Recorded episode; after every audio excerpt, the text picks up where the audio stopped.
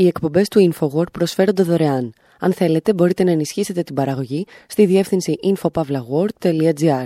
Η διεύθυνση infopavlagor.gr. Η εκπομπή InfoWord με τον Άρη Χατζηστεφάνου.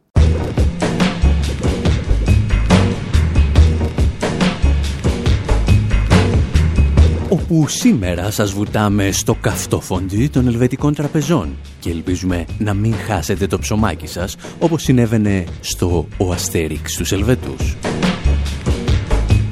Παρακολουθούμε μια παρέα Ελβετών που αποφάσισαν να τεινάξουν στον αέρα τη δυνατότητα των τραπεζών να δημιουργούν χρήμα. Και αναρωτιόμαστε τι γνώμη θα είχε γι' αυτό η Μέρι Πόπινς. Ταξιδεύουμε στη Γενέβη για να παρακολουθήσουμε το δημοψήφισμα για τη λειτουργία των τραπεζών και αναρωτιόμαστε γιατί δεν είναι παράνομο, αφού θα μπορούσε θεωρητικά να αλλάξει τον κόσμο.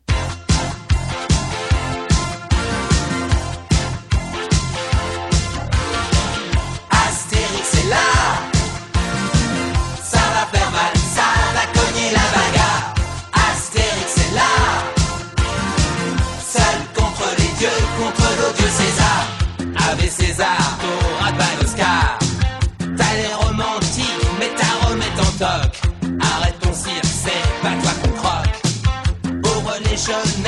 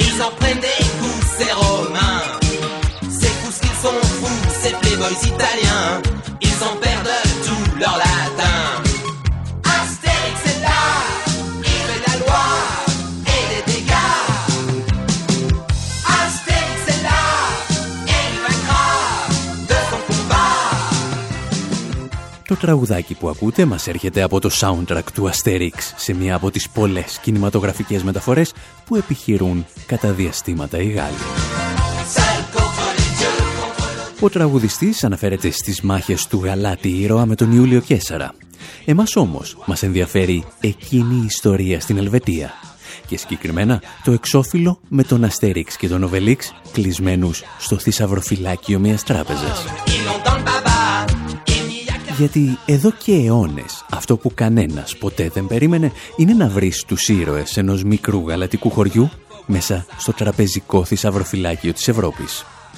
Και όμως συνέβη. Μια ομάδα Ελβετών αποφάσισε να αμφισβητήσει το τραπεζικό σύστημα στην καρδιά της Ελβετίας και το κάνει με ένα δημοψήφισμα την Κυριακή 10 Ιουνίου του 2018. Should banks be stripped of their ability to create money;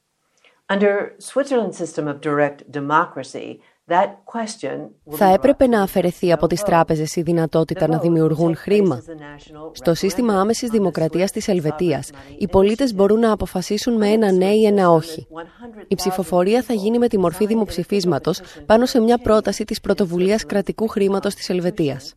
Σύμφωνα με το ελβετικό σύστημα, αν μαζευτούν υπογραφές 100.000 ατόμων για μία προτινόμενη αλλαγή στο ελβετικό σύνταγμα, θα πρέπει να διεξαχθεί δημοψήφισμα σε εθνικό επίπεδο.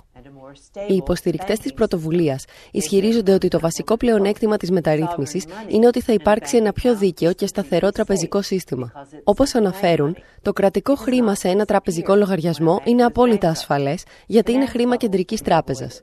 Δεν εξαφανίζεται όταν μια τράπεζα χρεοκοπεί.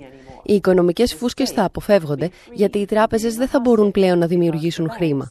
Το κράτος θα απελευθερωθεί, δεν θα είναι πια όμοιρος, γιατί οι τράπεζες δεν θα χρειάζεται να διασωθούν με χρήματα των φορολογούμενων. Δηλαδή το πρόβλημα του too big to fail, ότι δηλαδή οι τράπεζες είναι πολύ μεγάλες για να τις αφήσουμε να καταρρεύσουν, θα εξαφανιστεί. Ο χρηματοπιστωτικός κλάδος, λένε, θα αρχίσει να υπηρετεί την πραγματική οικονομία και την κοινωνία.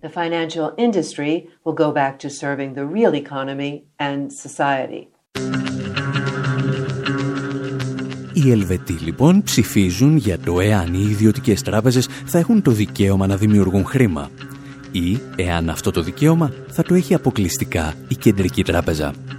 Και αν αυτό ακούγεται σαν μια μικρή λεπτομέρεια, εμείς πιστεύουμε ότι η απόφαση θα μπορούσε να τεινάξει στον αέρα το παγκόσμιο χρηματοπιστωτικό σύστημα, τουλάχιστον όπως το γνωρίζουμε σήμερα.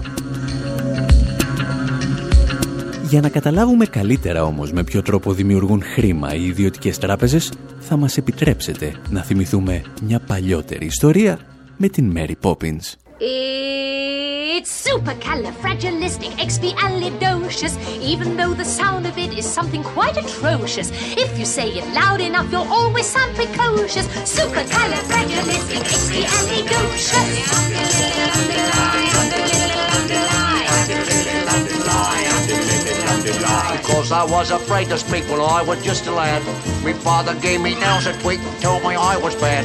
But then one day I learned a word to save me aching nose. The, the biggest word you ever heard, and this is how it goes. Oh, supercalifragilisticexpialidocious. Even though the sound of it is something quite atrocious. If you say it loud enough, you'll always sound precocious. Supercalifragilisticexpialidocious. Under little underline, under little little little underline.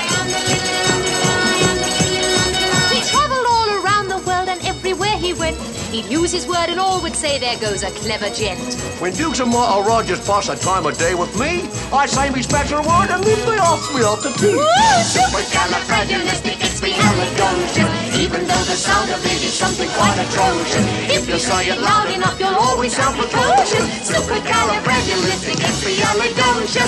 Um, the little, the little, the say it backwards, which is docious ali expiistic fragicali rufus, but that's going a bit too far, don't you think? So when the cat has got your tongue, there's no need for dismay. Just summon up this word and then you've got a... Η Mary Poppins μας φέρνει πίσω στο 1964, όταν η Walt Disney μεταφέρει στη μεγάλη οθόνη τη σειρά μυθιστορημάτων της Pamela Lyndon Travers. And a lovely thing she is too. Έκτοτε, για λόγους που θα καταλάβετε στη συνέχεια, η συγκεκριμένη κινηματογραφική ταινία έγινε αγαπημένο θέμα συζήτησης για δεκάδες οικονομολόγους σε ολόκληρο τον πλανήτη. Η ιστορία, αν θυμάστε, μεταξύ άλλων αφορά και τον κύριο Banks, τον κύριο Τράπεζα, ο οποίος εργάζεται σε μια τράπεζα και στο δικό του υποκατάστημα συμβαίνει αυτό που κανένας τραπεζίτης αλλά και κανένας καταθέτης δεν θέλει να ζήσει. Συμβαίνει ένα bank run, ένας τραπεζικός πανικός.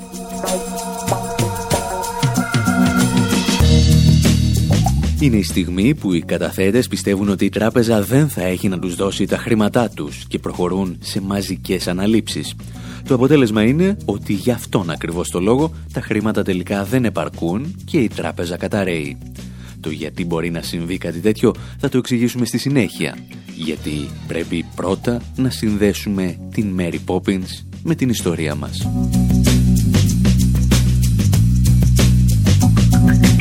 Και το δύσκολο αυτό έργο το αφήνουμε σε έναν από τους διασημότερους ιστορικούς της εποχής μας, τον Βρετανό Νάιλ Ferguson. Πριν από μερικά χρόνια τον κάλεσαν στο London School of Economics στο Λονδίνο και αυτός τους διηγήθηκε την παρακάτω ιστορία. Let me tell you a story about Mary Poppins. Two years ago, θα σας πω μια ιστορία για τη Mary Poppins. Πριν από δύο χρόνια ήμουν στις Μπαχάμε για να μιλήσω στο συνέδριο μιας τράπεζας επενδύσεων. Σηκώθηκα λοιπόν και είπα ότι σύντομα θα αντιμετωπίσουν μια κρίση ρευστότητας που θα προκαλέσει σοκ στο χρηματοπιστωτικό σύστημα. Συνέκρινα μάλιστα αυτή την κρίση με την κρίση του 1914. Τότε ένα γεωπολιτικό γεγονός, το ξέσπασμα του Πρώτου Παγκοσμίου Πολέμου, προκάλεσε κρίση αναγκάζοντας τα μεγαλύτερα χρηματιστήρια του πλανήτη κυριολεκτικά να κλείσουν τις πόρτες τους. Το χρηματιστήριο του Λονδίνου μάλιστα δεν άνοιξε για αρκετούς μήνες. Μήνε. Οι τράπεζες άρχισαν να καταραίουν και διασώθηκαν μόνο με την παρέμβαση του κράτους. Για την ακρίβεια, η κρίση του 1914 ήταν πολύ μεγαλύτερη από αυτή της περίοδου 1929-1932, αλλά τέθηκε υπό έλεγχο μετά τη μαζική παρέμβαση του κράτους.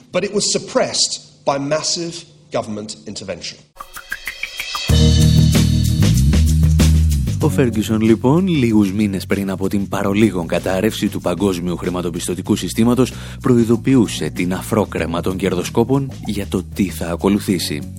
Το πρόβλημα είναι ότι όχι μόνο δεν ήθελαν να τον ακούσουν, αλλά δεν ήθελαν και να τον ξαναδούν στα μάτια τους. Well, I'm not sure that I got a very receptive audience that day.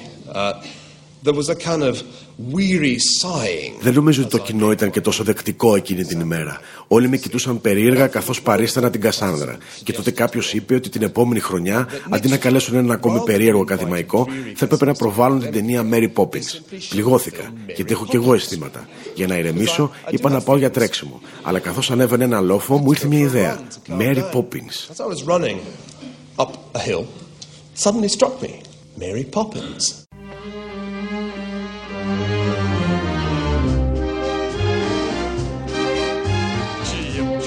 Chim chimney chim chim chiree. A sweep is as lucky as lucky can be. Chim chimney chim chimney chim chim chiroo. Good luck we're above when I shake hands with you. Or blow me a kiss. And that's lucky too. Καθώς ο Ναέλ Φέργκισον λοιπόν έτρεχε να ξεχάσει την προσβολή που είχε δεχθεί από ένα μάτσο τραπεζίτες και κερδοσκόπους, άρχισαν να περνάνε από το μυαλό του σκηνές από την ταινία Mary Poppins.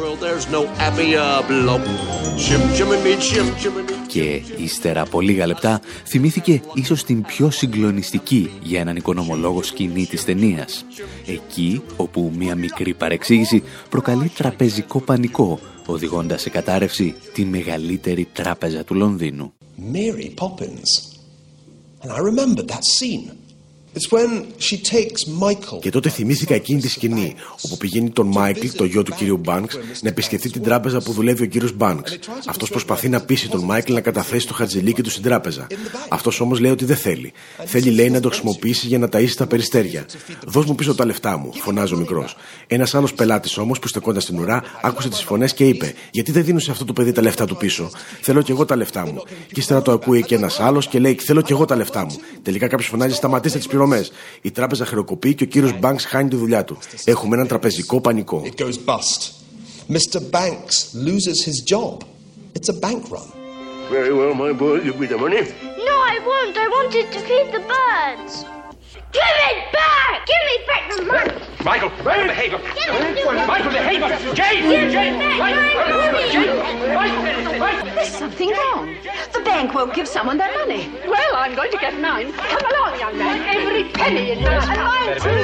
And give me mine too. Ο τραπεζικός πανικός που διαδραματίζεται στην Mary Poppins δεν θα μπορούσε να είναι πιο άσχετος με την εποχή στην οποία γυρίστηκε η ταινία.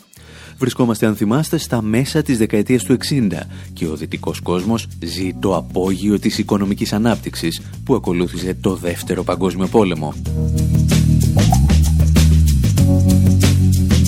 Μην ξεχνιέστε όμως, το μυθιστόρημα γράφτηκε στα μέσα της δεκαετίας του 30, όταν ο πλανήτης γνώριζε τη μεγάλη ύφεση, η οποία ακολούθησε το χρηματιστηριακό κράχ του 1929. October 29th, 1929, Black Tuesday. The New York Stock Exchange is in a panic. Frantic investors have scrambled to unload their stocks at any price. Everyone wants to sell. Τα περίφημα bank run, η τραπεζική πανική, θα στοιχιώσουν το συλλογικό υποσυνείδητο του δυτικού κόσμου. Είναι η φωτογραφική απεικόνηση ενός συστήματος που καταραίει μπροστά στα μάτια των πολιτών και τα συντρίμια του καταπλακώνουν πρώτα τους πιο αδύναμους.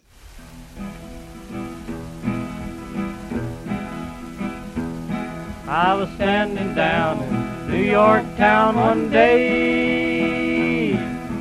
Standing down in New York town one day. I was standing down in New York town one day. Singing, hey, hey, hey, hey. I was broke, I didn't have a dime. I was broke, I didn't have a dime. Yes, sir, I was broke, I didn't have a dime. Singing, hey, hey. Ο τραπεζικός πανικός είναι μια έννοια παλιά όσο και το τραπεζικό σύστημα. Αν θα έπρεπε να απλοποιήσουμε έως απλουστεύσεως τον μηχανισμό που τον προκαλεί, θα λέγαμε ότι όλα ξεκινούν από το γεγονός ότι οι τράπεζες δεν διατηρούν στα χρηματοκιβώτια τους όλα τα χρήματα που τους δίνουν οι καταθέτες τους.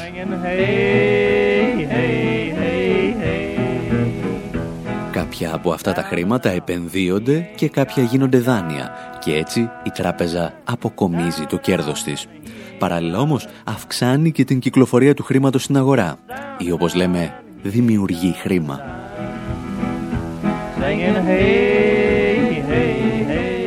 Με βάση τον νόμο των μεγάλων αριθμών, ένας καλός τραπεζίτης γνωρίζει ότι οι καταθέτες, υπό φυσιολογικές συνθήκες, δεν πρόκειται να έρθουν όλοι μαζί για να ζητήσουν τα χρήματά τους. Το ερώτημα είναι τι συμβαίνει αν για κάποιο λόγο αποφασίσουν όλοι μαζί να αποσύρουν τελικά τις καταθέσεις τους.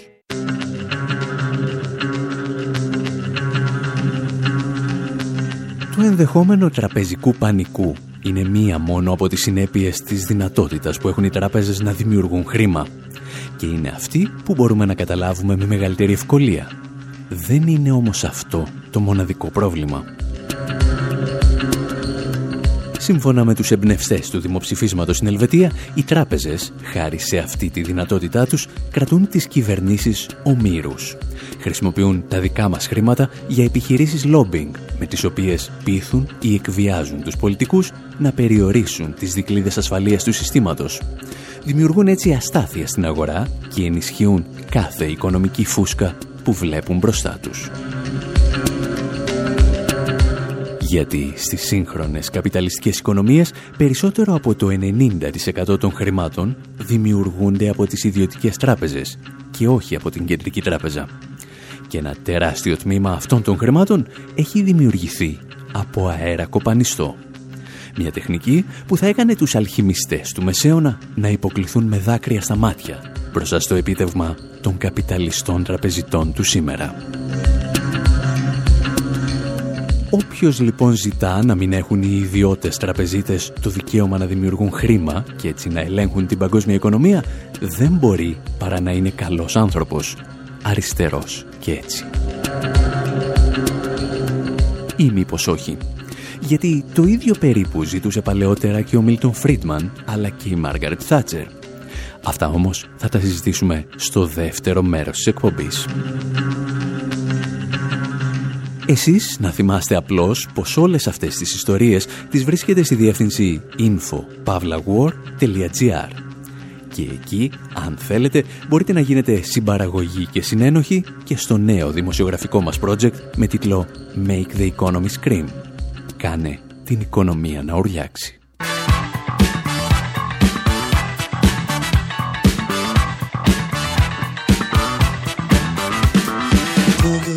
the powers that be.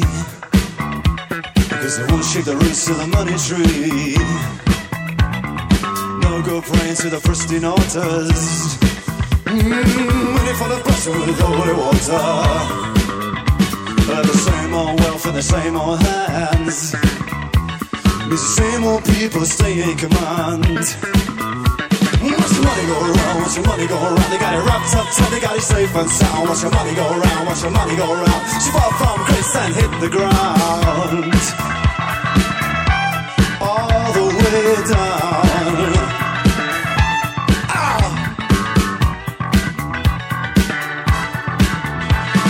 Too much money in too few places. Only puts a smile on particular faces. Said too much power in not enough hands. If you think get rich quick, take all I can. They're too busy spending on the means of destruction. To ever spend a penny as a real construction. Yeah, watch your money go around, watch your money go around. You use themselves as a fool around. Watch your money go around, watch your money go around. See like they say, make them vulnerable.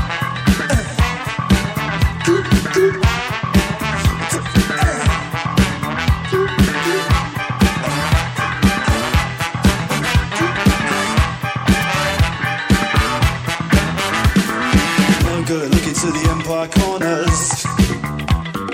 Civilization built on slaughter. Carrying hopes and carrying maps. Mm, swine ones fall in their laps. The brave and the born and always to be food.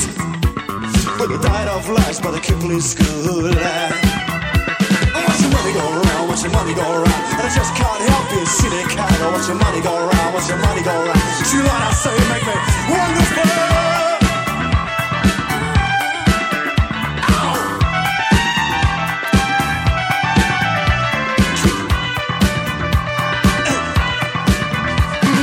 Malls are clean, the malls are clear. They bend your ear. See they bend your mind as you talk in circles. This won't hurt you. Till there's blood in your lap, blood on your hands. Smells as the dawn, it's so cut it can. Yeah, watch your money go round, watch your money go round. Come spend a penny, go out to with a pound. Watch your money go round, watch your money go round. She fall from grace and hit the ground.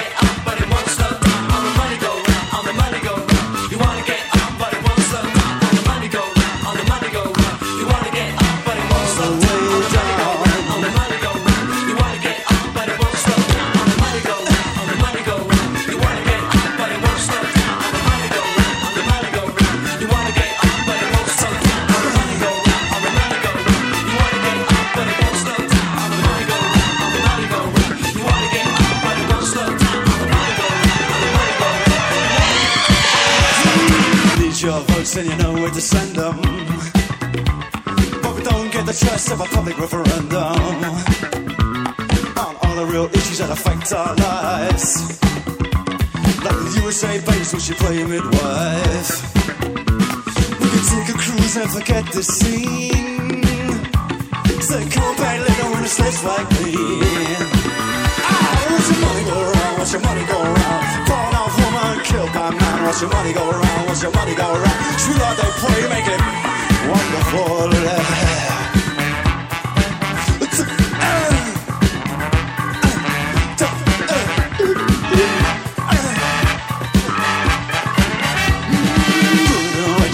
the hills. Crippling interests who have no sins. Christians by day, killers in war. The hypocrites in know what they're fighting for. Killing for peace, freedom, and truth. But it's too old to go, so they send to you. Yeah, watch your money go round, watch your money go round don't think he was an astronaut. I the money go round, watch the money go round. I must insist he was a socialist.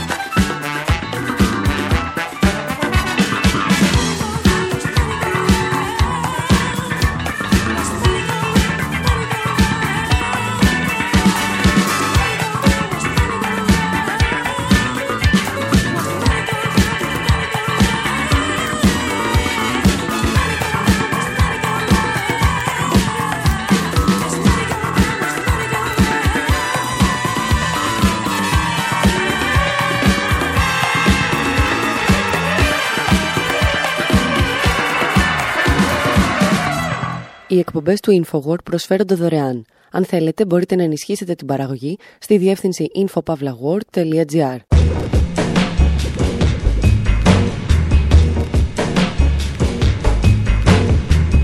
Εκπομπή InfoWord, μέρος δεύτερο. Όπου παρακολουθούμε ένα ελβετικό δημοψήφισμα που θεωρητικά θα μπορούσε να τεινάξει στον αέρα το τραπεζικό σύστημα στην καρδιά της Ευρώπης. Είδαμε πως οι ιδιωτικές τράπεζες έφτασαν να δημιουργούν πάνω από το 90% του χρήματος που κυκλοφορεί στην παγκόσμια οικονομία, χρησιμοποιώντας σαν πρώτη ύλη αέρα κοπανιστό. Και έτσι μένουμε να αναρωτιόμαστε εάν το δημοψήφισμα είναι μια ιδέα βγαλμένη από τα κοιτάπια του Λένιν ή του Μίλτον Φρίντμαν και της Μάργαρτ Θάτσερ.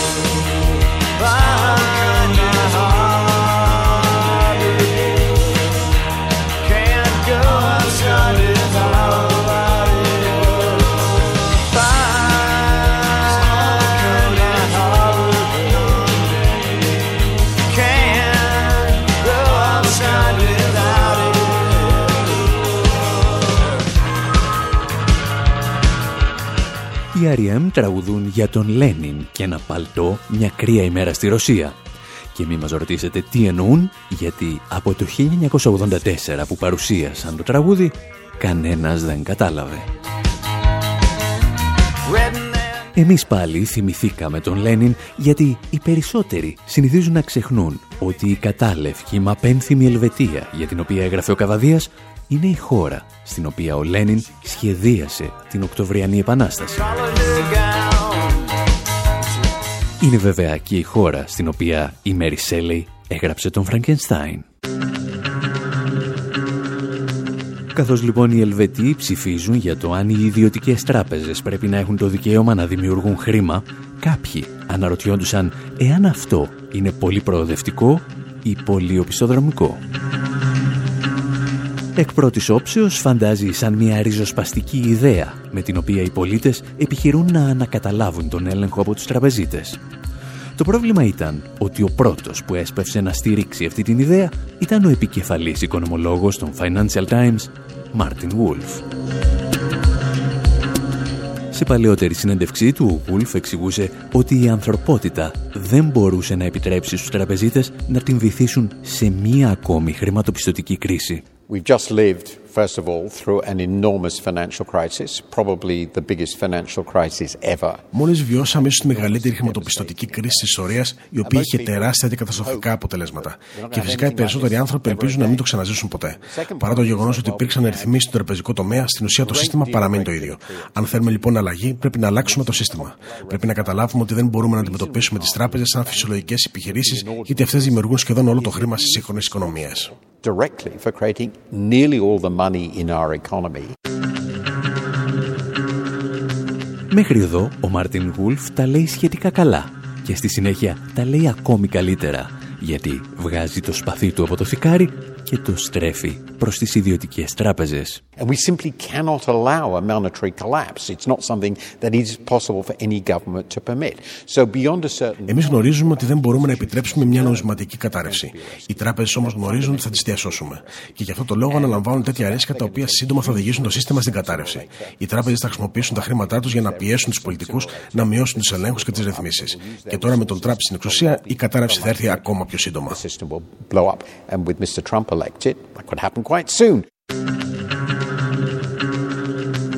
Ο σημαντικότερος οικονομολόγος των Financial Times, λοιπόν, δείχνει έτοιμος να αυτομολύσει στο σοσιαλισμό, καταδικάζοντας την οικονομία καζίνο του σύγχρονου καπιταλισμού. Μόνο όπου στο επόμενο απόσπασμα θα καταλάβετε ότι τα πράγματα δεν είναι έτσι, επειδή έτσι νομίζετε. Αυτό που θέλει ο Μάρτιν Γουλφ είναι να προστατεύσει την ελεύθερη αγορά. Και για να το πετύχει είναι διατεθειμένος να κάνει ό,τι έκανε και ο Δίας στον Κάφκασο. Έβαλε το κράτος και τη βία να φυλάνε τον Προμηθέα. So we've got to think about more radical alternatives. And the right alternative is one Πρέπει να σκεφτούμε πιο ριζοσπαστικές εναλλακτικές. Και η σωστή εναλλακτική είναι οι κυβερνήσεις να αναλάβουν τον απόλυτο έλεγχο της δημιουργίας χρήματος. Το χρήμα αυτό θα είναι μέσω συναλλαγών και αποθυσάβρεση και θα είναι απόλυτα χειροπιαστό. Με αυτόν τον τρόπο το υπόλοιπο χρηματοπιστωτικό σύστημα θα έρθει πιο κοντά στις αρχές της ελεύθερης αγοράς και θα καθοδηγείται από αυτή, ενώ το ρίσκο θα βρίσκεται μόνο στο εσωτερικό του.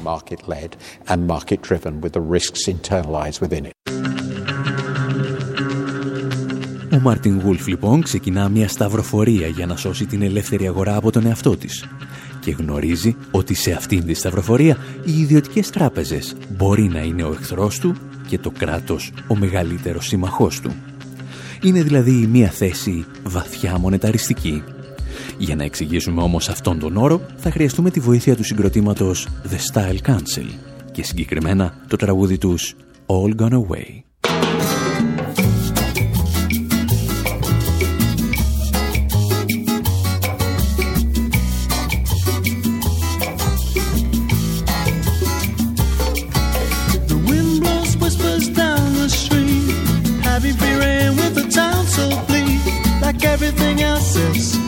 all gone away. The town hall clock is for this child, but no one there to ask the time. Like everything else, it all gone away. The grocer's shop hangs up its sign. The sign says close, it's sign of the times. Like everything else, it's all gone away. Mm, but somewhere the party never ends club together again.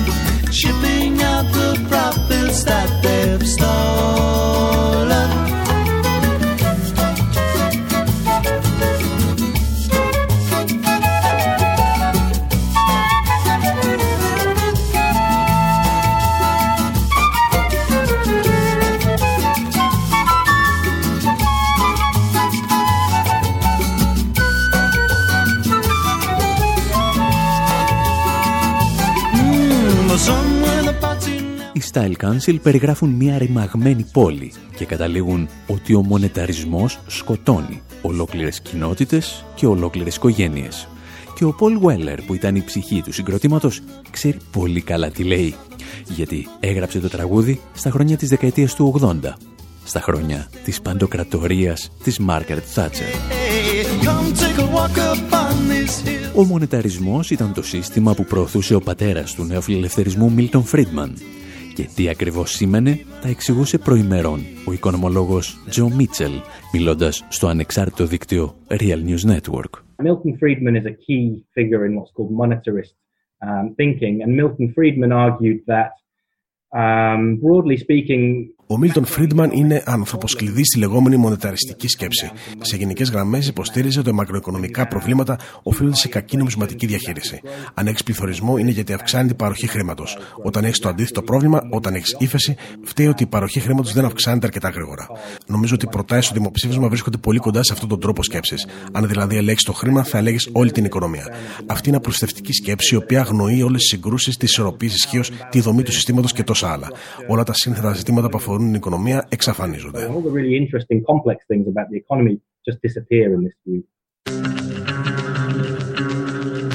Πολύ απλά και ίσως απλουστευτικά, ο μονεταρισμός πρεσβεύει ότι μπορείς να λύσεις δύσκολα προβλήματα απλώς αυξομειώνοντας την κυκλοφορία του χρήματος στην οικονομία. Ένας μονεταριστής δηλαδή προτιμά συνήθως το χρήμα να δημιουργείται μόνο από την κεντρική τράπεζα.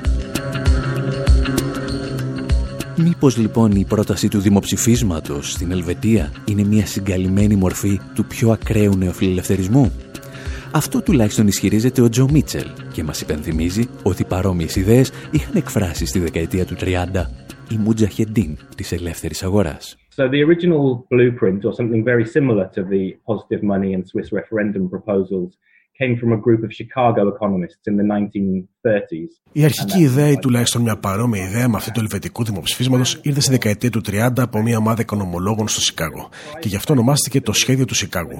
Το σχέδιο πρότεινε να αφαιρεθεί από τις ιδιωτικές τράπεζες τη δυνατότητα να δημιουργούν χρήματα όταν δίνουν δάνεια. Το μόνο που θα μπορούσαν να κάνουν είναι να διατηρούν στα λογιστικά τους βιβλία ποσά αντίστοιχα με τα αποθεματικά της κεντρικής τράπεζας. Οι καταθέσεις λοιπόν σε μια ιδιωτική τράπεζα αντιστοιχούν απόλυτα με το μέγεθος του κρατικού χρήματος, δηλαδή με τα αποθεματικά στην κεντρική τράπεζα. Και αυτό σημαίνει ότι η κεντρική τράπεζα μπορεί να ελέγχει απόλυτα τον όγκο του χρήματος στην οικονομία. Αλλάζοντας τον όγκο των χρημάτων που εκδίδει, αλλάζει και το μέγεθος των καταθέσεων που έχουν στη διάθεσή τους οι πολίτες.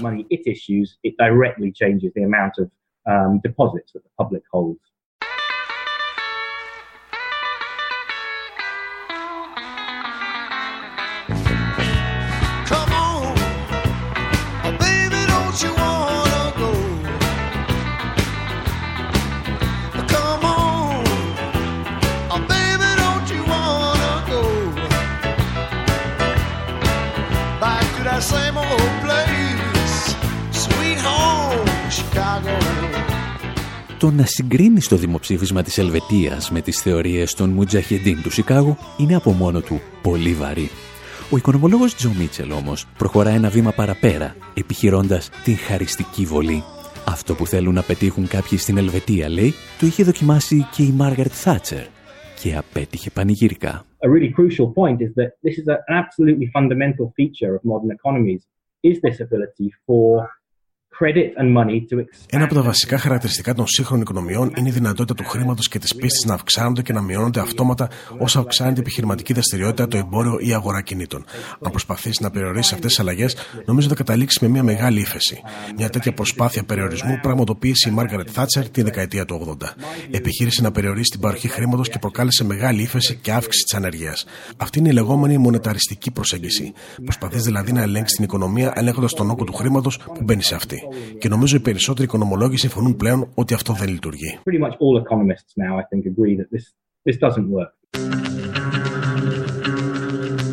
Έχει λοιπόν ο Τζο Μίτσελ δίκιο. Οι Ελβετοί που ζητούν να αφαιρεθεί από τις ιδιωτικές τράπεζες η δυνατότητα να δημιουργούν χρήμα είναι οι Θάτσερ της εποχής μας που κρύβονται πίσω από το μανδύα μιας ριζοσπαστικής και ίσως αριστερής ρητορικής. Η άποψή μας είναι ναι, αλλά και πολύ περισσότερο όχι. Αρκετοί από τους ανθρώπους που έστησαν το δημοψήφισμα στην Ελβετία είναι πράγματι επιχειρηματίες και ακαδημαϊκοί που θα μπορούσαμε να χαρακτηρίσουμε σαν μονεταριστές. Πιστεύουν δηλαδή ότι μπορούν να λύσουν σύνθετα προβλήματα μόνο με την νομισματική πολιτική. Ή, εάν προτιμάτε, θα ήθελαν να αντικαταστήσουν την πάλη των τάξεων με την πάλη των νομισμάτων. Αλλά Πρόσφατες δημοσκοπήσεις στην Ελβετία δείχνουν ότι η πρόταση είχε μεγάλη στήριξη από τμήματα της αριστεράς, από τα πιο φτωχά στρώματα των Ελβετών και κυρίως από την νεολαία. Οι άνθρωποι αυτοί δεν επιθυμούν να σώσουν την ελεύθερη αγορά. Θέλουν να κόψουν τον αέρα στους τραπεζίτες. Για την ακρίβεια, να κόψουν το δικαίωμά τους να δημιουργούν χρήμα από τον αέρα. Στο τέλος καταλήγουμε ενδεχομένως πάντα στο ίδιο συμπέρασμα. Αν πιστεύεις ότι μπορείς να λύσεις τα προβλήματα του καπιταλισμού μόνο με την νομισματική πολιτική, είσαι μάλλον επικίνδυνος. Εάν όμως θέλεις να χρησιμοποιήσεις το νόμισμα σαν ένα ακόμη εργαλείο σε μια μεγαλύτερη μάχη, γιατί να μην το κάνεις; Εάν η δημιουργία του χρήματος έρθει πιο κοντά στις κυβερνήσεις, μπορεί να είναι πιο δημοκρατική. Το κράτος μπορεί να στρέψει το χρήμα σε παραγωγικές επενδύσεις, δημιουργώντας θέσεις εργασίας και παράλληλα μπορεί να ενισχύσει το κράτος πρόνοιας. Είναι αυτό επανάσταση; Ασφαλώς και όχι. Ποιος αφελής όμως θα πίστευε ότι μια επανάσταση μπορεί να ξεκινήσει από την Ελβετία, εκτός ίσως από τον Λένιν;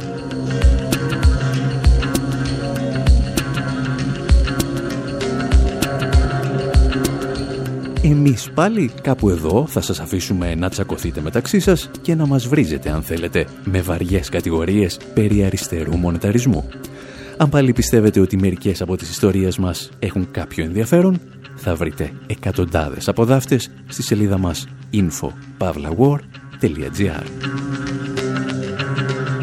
Μέχρι την επόμενη εβδομάδα, από τον Άρη Στεφάνου στο μικρόφωνο, την Μυρτώ Σιμεωνίδου στις μεταφράσεις και τα φωνητικά και τον Δημήτρη Σταθόπουλο στην τεχνική επιμέλεια. Γεια σας και χαρά σας. A mark, a yen, a buck, or a pound, a buck, or a pound, a buck, or a pound is all that makes the world go round. That clinking, clanking sound can make the world go round.